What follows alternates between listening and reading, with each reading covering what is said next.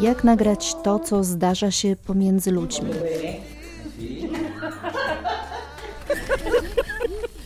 W jaki sposób opowiedzieć o miłości? Gdybym mogła się śmiać, to bym się śmiała od rana do wieczora. No.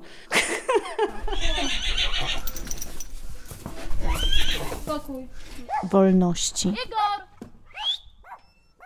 Godności. chodź, Igorku, chodź. A to znaczy co, już zaczynamy? Już wszystko tak? Zapraszamy na podcast Torby Reportera i Podcastera. Uczymy, jak robić dobre audio.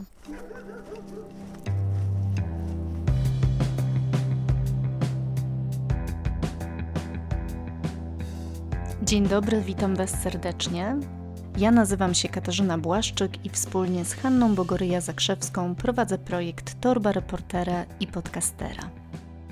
Gościem tego odcinka jest Michał Kasprzyk, mówca, producent podcastów, właściciel marki Clever Hearted Showrunners, organizator konferencji audio Marketing Opowieści, która dostępna jest wyłącznie w formie podcastu. Będziemy rozmawiali o konkursie dla podcastów anglojęzycznych, którego rozstrzygnięcie już niebawem w Stanach Zjednoczonych, oraz o tym, jak ten rynek podcastów w Stanach dzisiaj się kształtuje. Zapraszamy. Witaj, Michale.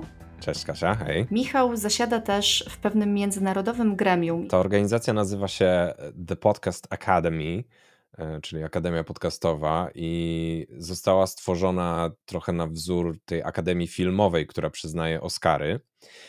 I ona jest no, po to, żeby wspierać podcasting na świecie, chociaż głównie są członkowie ze Stanów Zjednoczonych, no bo tamten rynek jest jednak chyba najbardziej rozwiniętym na świecie. Mm, no są ludzie z całego świata mimo wszystko, e, chociaż jest ich mniej. I e, organizacja przyznaje też swoją nagrodę dla podcastów w przeróżnych kategoriach. Nagroda się nazywa The Ambies od Ambient Sound.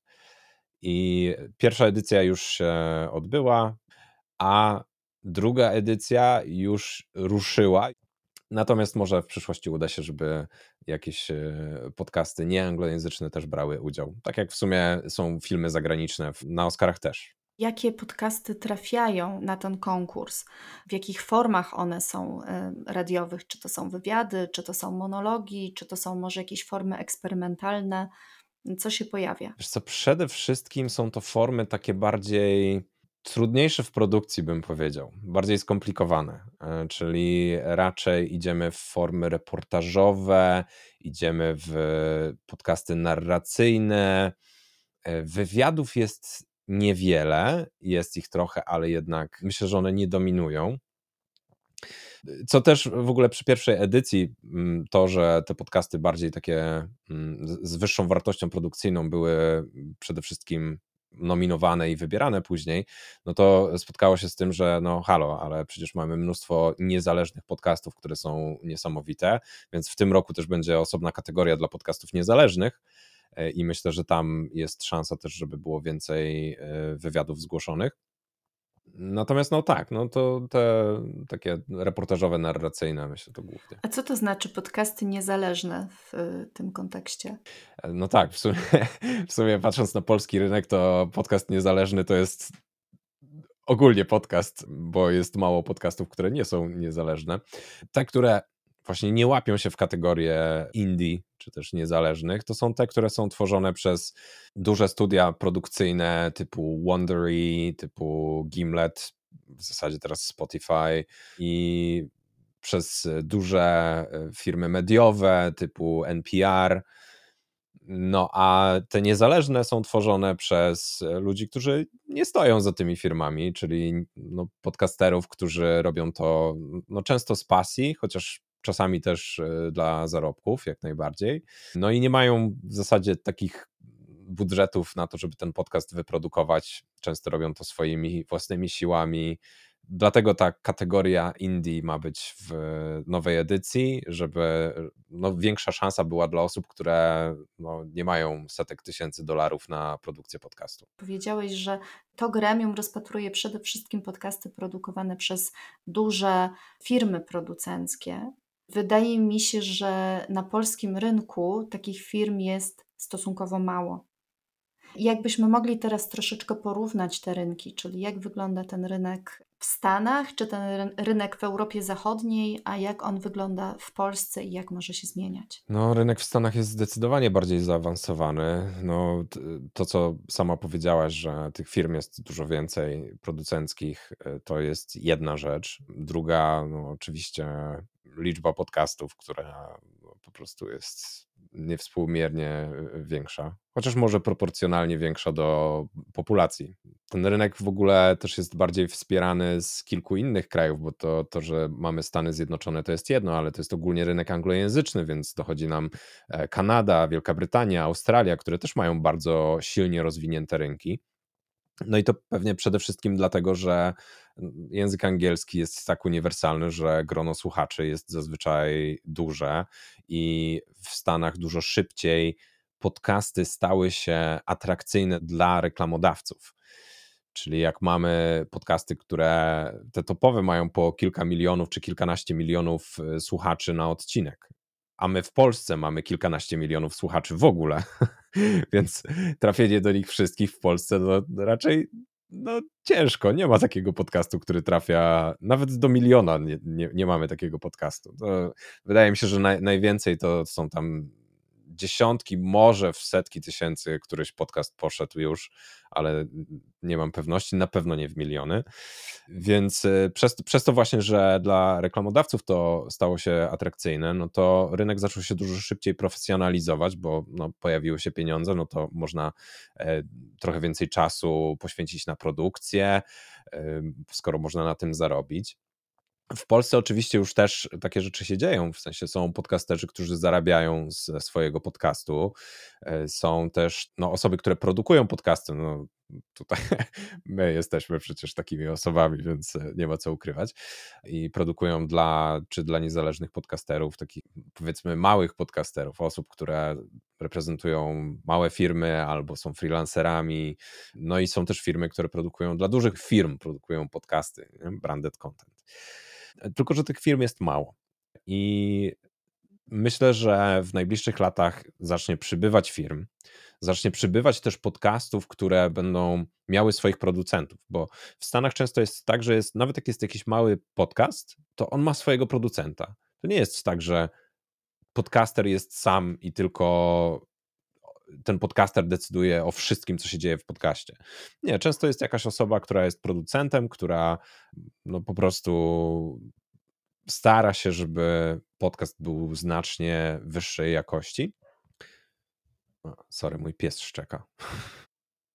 No, oprócz tego mamy jeszcze no, duże firmy mediowe, które robią, tak jak NPR. To NPR to jest Narodowe Radio w Stanach. No i oni produkują już od dawna w zasadzie podcasty. Część też mają takich audycji, które było audycjami w radiu najpierw, później stały się dodatkowo podcastami. E, niektóre przechodzą tylko w podcasty. W Polsce oczywiście media też tworzą już swoje podcasty. To myślę, że ostatni rok to był taki duży wysyp tego. Coraz więcej mediów polskich produkuje podcasty i to jest fajne. Ja uważam, że to przyczynia się do tego, że podcasting w ogóle staje się popularniejszy, no bo te media mają większe zasięgi niż taki y, Szary Kowalski i więcej ludzi dowie się o tym, że podcasty w ogóle istnieją.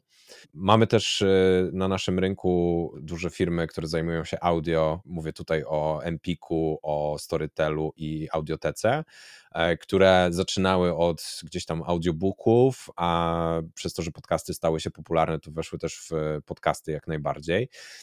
i one też będą powodowały, że ta jakość będzie się zwiększała, bo no, po prostu szukają jakościowych treści, produkują jakościowe treści. W związku z tym też ogólnie gdzieś tam poprzeczka będzie się powoli podnosić w polskim podcastingu i będzie przybywało też reklamodawców, no bo będzie więcej słuchaczy. Widzimy też z badań, które Tandem Media robi i widzimy, że jest pewien przyrost słuchaczy i to będzie postępowało. Będziemy mieli więcej ludzi, którzy słuchają, no rynek będzie po prostu większy, będzie bardziej profesjonalny.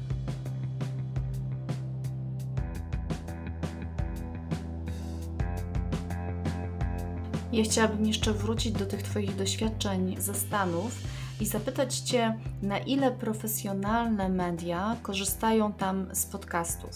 Przez profesjonalne media rozumiem także gazety i wszelkiego rodzaju inicjatywy czy projekty, które nie wychodziły z radia, a wychodziły z prasy.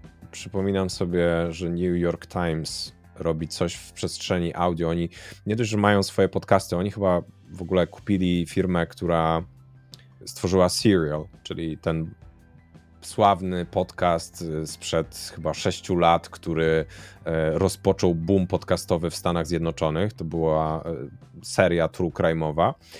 Z tego tam gdzieś tam stworzyła się firma, która zaczęła tworzyć kolejne sezony, jeszcze inne podcasty i y, The New York Times e, bodajże kupił właśnie tę firmę i oni produkują dalej. Dodatkowo w ogóle New York Times, z tego co wiem, tworzy wersję audio swoich artykułów, tych, które są dedykowane żeby były napisane, dedykowane pismu i tworzą wersje audio, które udostępniają subskrybentom, więc mają dodatkową wartość, którą e, sprzedają, więc e, jak najbardziej to się dzieje. I jak oceniasz, na ile to się przyjmie w Polsce? Takie próby też są u nas. Ja myślę, że bardzo się przyjmie, dlatego że audio jest po prostu wygodne. A propos mojego psa, można wyjść na spacer z psem i słuchać e, po prostu w trakcie muzyki. No nie mogę oglądać YouTube'a w trakcie, jak sobie idę, bo się potknę, wywalę, wdepnę w coś jak zmywam naczynia, jak sprzątam, jak trenuję, jak prowadzę samochód. No, nie, nie ma dużo alternatyw. No wiadomo, mamy radio, mamy audiobooki jeszcze, które można słuchać wtedy, ale podcasty mają tę przewagę nad nimi, że są on demand, na żądanie, w przeciwieństwie do radia, a w przeciwieństwie do audiobooków są krótkie, więc można dopasować je długością do tego, co robimy. I e, ja akurat nie mam problemu z tym, żeby przerwać podcast w połowie i zacząć go słuchać za trzy dni, e, chociaż rzadko mi się takie długie przerwy zdarzają. Ale wiem, że są ludzie, którzy na przykład mają 20 e, minut jazdy do pracy i szukają takiego podcastu, żeby miał 20-minutowe odcinki i tych odcinków słuchają w trasie. I okej, okay, I teraz ciężko jest to zrobić z audiobookiem, bo musisz, wiesz, może, może się okazać, że przerwiesz e, słuchanie w połowie jakiejś akcji, która się dzieje, taka, taka jakaś żwawa i intensywna. No to kiepsko. W radiu z kolei, no, no, masz kilka stacji oczywiście, no ale jesteś skazana na to, co leci. Geneza podcastów jest w radiu jak najbardziej i e, reportaże i e, nawet e, fabuły które, słuchowiska, które były tworzone w radiu. W radiu tego jest coraz mniej, a podcasty to przejęły. I podcasty zyskują dzięki temu słuchalność.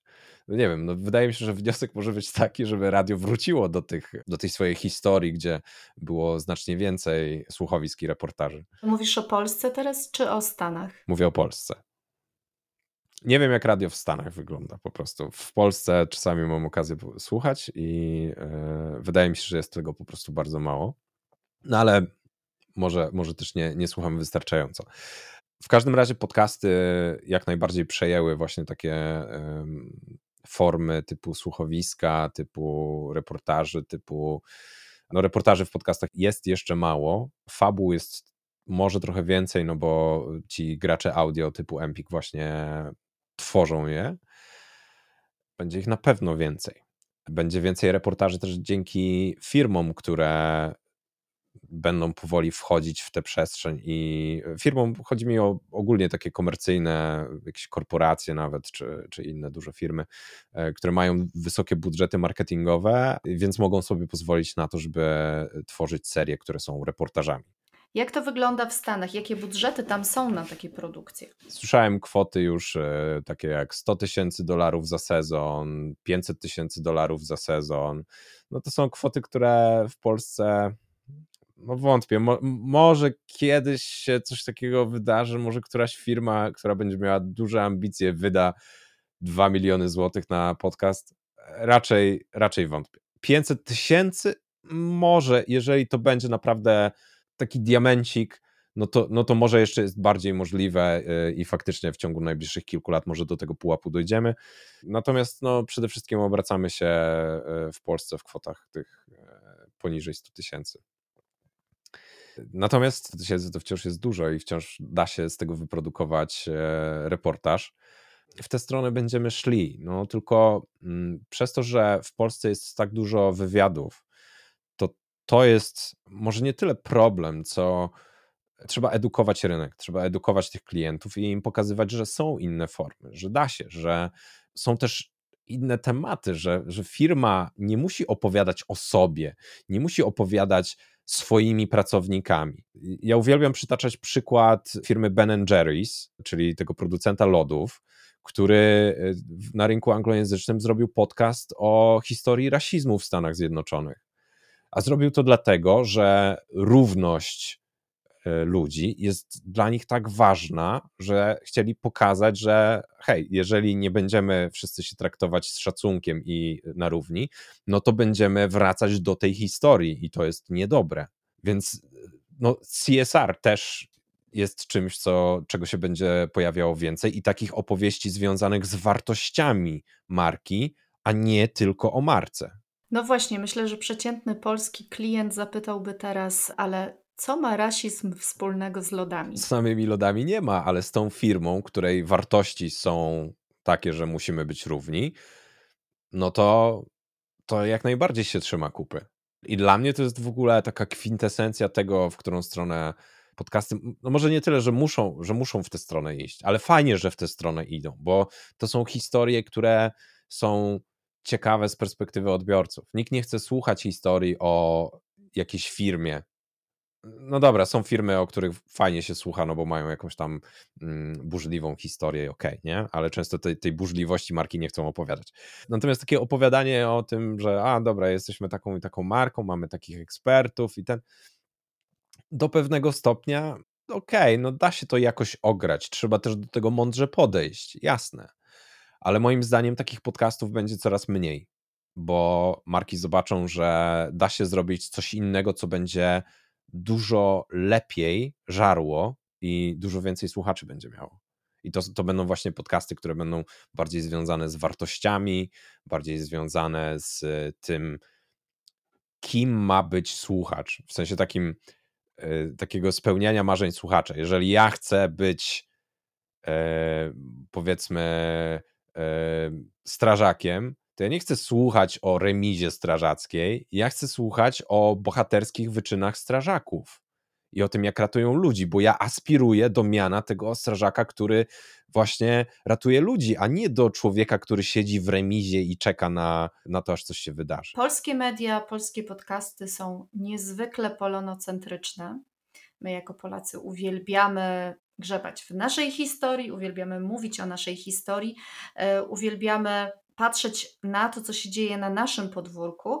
Jestem ciekawa, jak jest w Stanach. Podejrzewam, że to jest bardzo podobnie z tego względu, że tak, no Amerykanie będą opowiadać historię o Amerykanach, raczej nie będą opowiadać historii o Polakach, ale za to mamy podcasty tworzone przez Polaków po angielsku, które są o Polsce. Jest na, na przykład e, Stories from the Eastern West, o ile dobrze pamiętam tytuł, tworzony przez Culture.pl. Świetny podcast, taki właśnie bardziej reporterski, reportażowy. Chyba najnowszy sezon jest w ogóle o muzykach jazzowych Polski świetnie się tego słucha, tam jest wysoka wartość produkcyjna, jest naprawdę bardzo, bardzo fajnie tworzone to z przemyśleniem. Lubię bardzo ten podcast. I jest po angielsku. Jest po to, żeby podejrzewam, po to, żeby właśnie edukować rynek anglojęzyczny o tym, że w Polsce też mamy fajne rzeczy. Wydaje mi się, że każdy kraj będzie tworzył bardziej o sobie historię. Wczoraj akurat słuchałem jednego z odcinków serii e, reportażowej o centralnym porcie lotniczym w Niemczech, który powstawał. No to tworzy go jedno z niemieckich radiów, tak? No wiadomo, no kto ma opowiedzieć tę historię? No bardziej opowiadamy o tym, co mamy e, lokalnie. Chociaż na rynku anglojęzycznym pewnie są też jakieś historie gdzieś tam opowiadane z różnych krajów. Wydaje mi się, że dziennikarze za granicą mają trochę więcej szans na to, żeby wyszukiwać te historie, bo przez to, że budżety są wyższe, również te w firmach mediowych, y, no to mogą ich wyszukać więcej. I y, dzięki temu tych historii jest więcej. Mm, no ale mówię, no przede wszystkim one są raczej lokalne, a jeżeli są globalne, no to są na tyle na tyle znane, że no w zasadzie my z Polski też moglibyśmy opowiedzieć jakąś daną historię. Jaką historię polską chciałbyś opowiedzieć za granicą? To jest bardzo ciekawe pytanie, nad którym się nigdy nie zastanawiałem. A może jestem pod wpływem tego, że wczoraj rozmawiałem z Borysem Nieśpielakiem, który robi e, dokumenty o e, grach komputerowych, o twórcach gier. I myślę, że właśnie opowiedzenie historii tego, jak polska branża gier komputerowych się rozwijała, e, mogłoby być bardzo ciekawe, dlatego że my mamy studia produkcyjne, które są bardzo znane na całym świecie. W zasadzie przynajmniej cztery takie solidne studia, nie? A podejrzewam, że na pewno jesteśmy w stanie wymienić więcej firm, które odniosły międzynarodowy sukces. I opowiedzenie o nich, skąd oni się wzięli, to by było coś, co byłoby interesujące dla osób za granicą.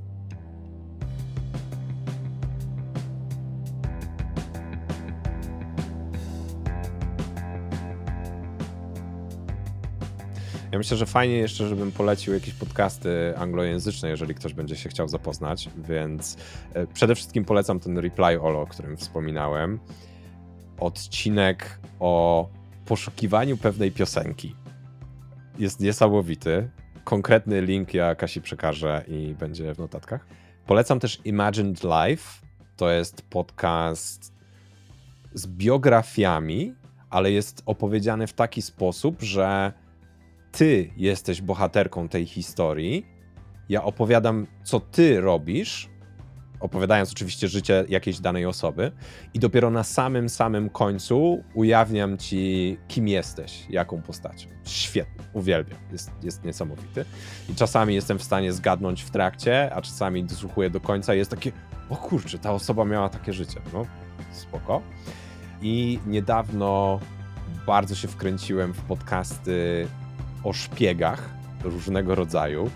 I tutaj y, taki podcast, w którym jeden odcinek, jedna historia, bardzo polecam, to jest True Spies.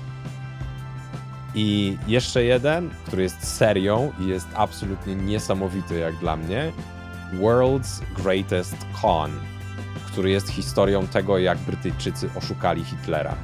I jest absolutnie słucham tego i mam takie, no nie, no ten World's Greatest Con to chyba będzie to, że oni na samym końcu powiedzą, powiedzą że ta historia była e, zmyślona i że ja zostałem wkręcony w to, że uwierzyłem, że ta historia jest prawdziwa. Ale nie, historia ponoć jest faktycznie prawdziwa, więc super, polecam. Dziękuję bardzo. Gościem tego odcinka był Michał Kasprzyk. Wszystkie polecane przez niego podcasty znajdziecie w linkach do podcastu Torby Reportera i Podcastera. Dziękuję Wam za uwagę i jeszcze jedno podziękowanie. Podziękowanie dla tych, którzy wspierają nas na Patronite. Jesteśmy Wam bardzo wdzięczne za każdą złotówkę, bo to nas motywuje do tego, żeby regularnie tworzyć podcast Torby Reportera i Podcastera. Dzięki i do usłyszenia.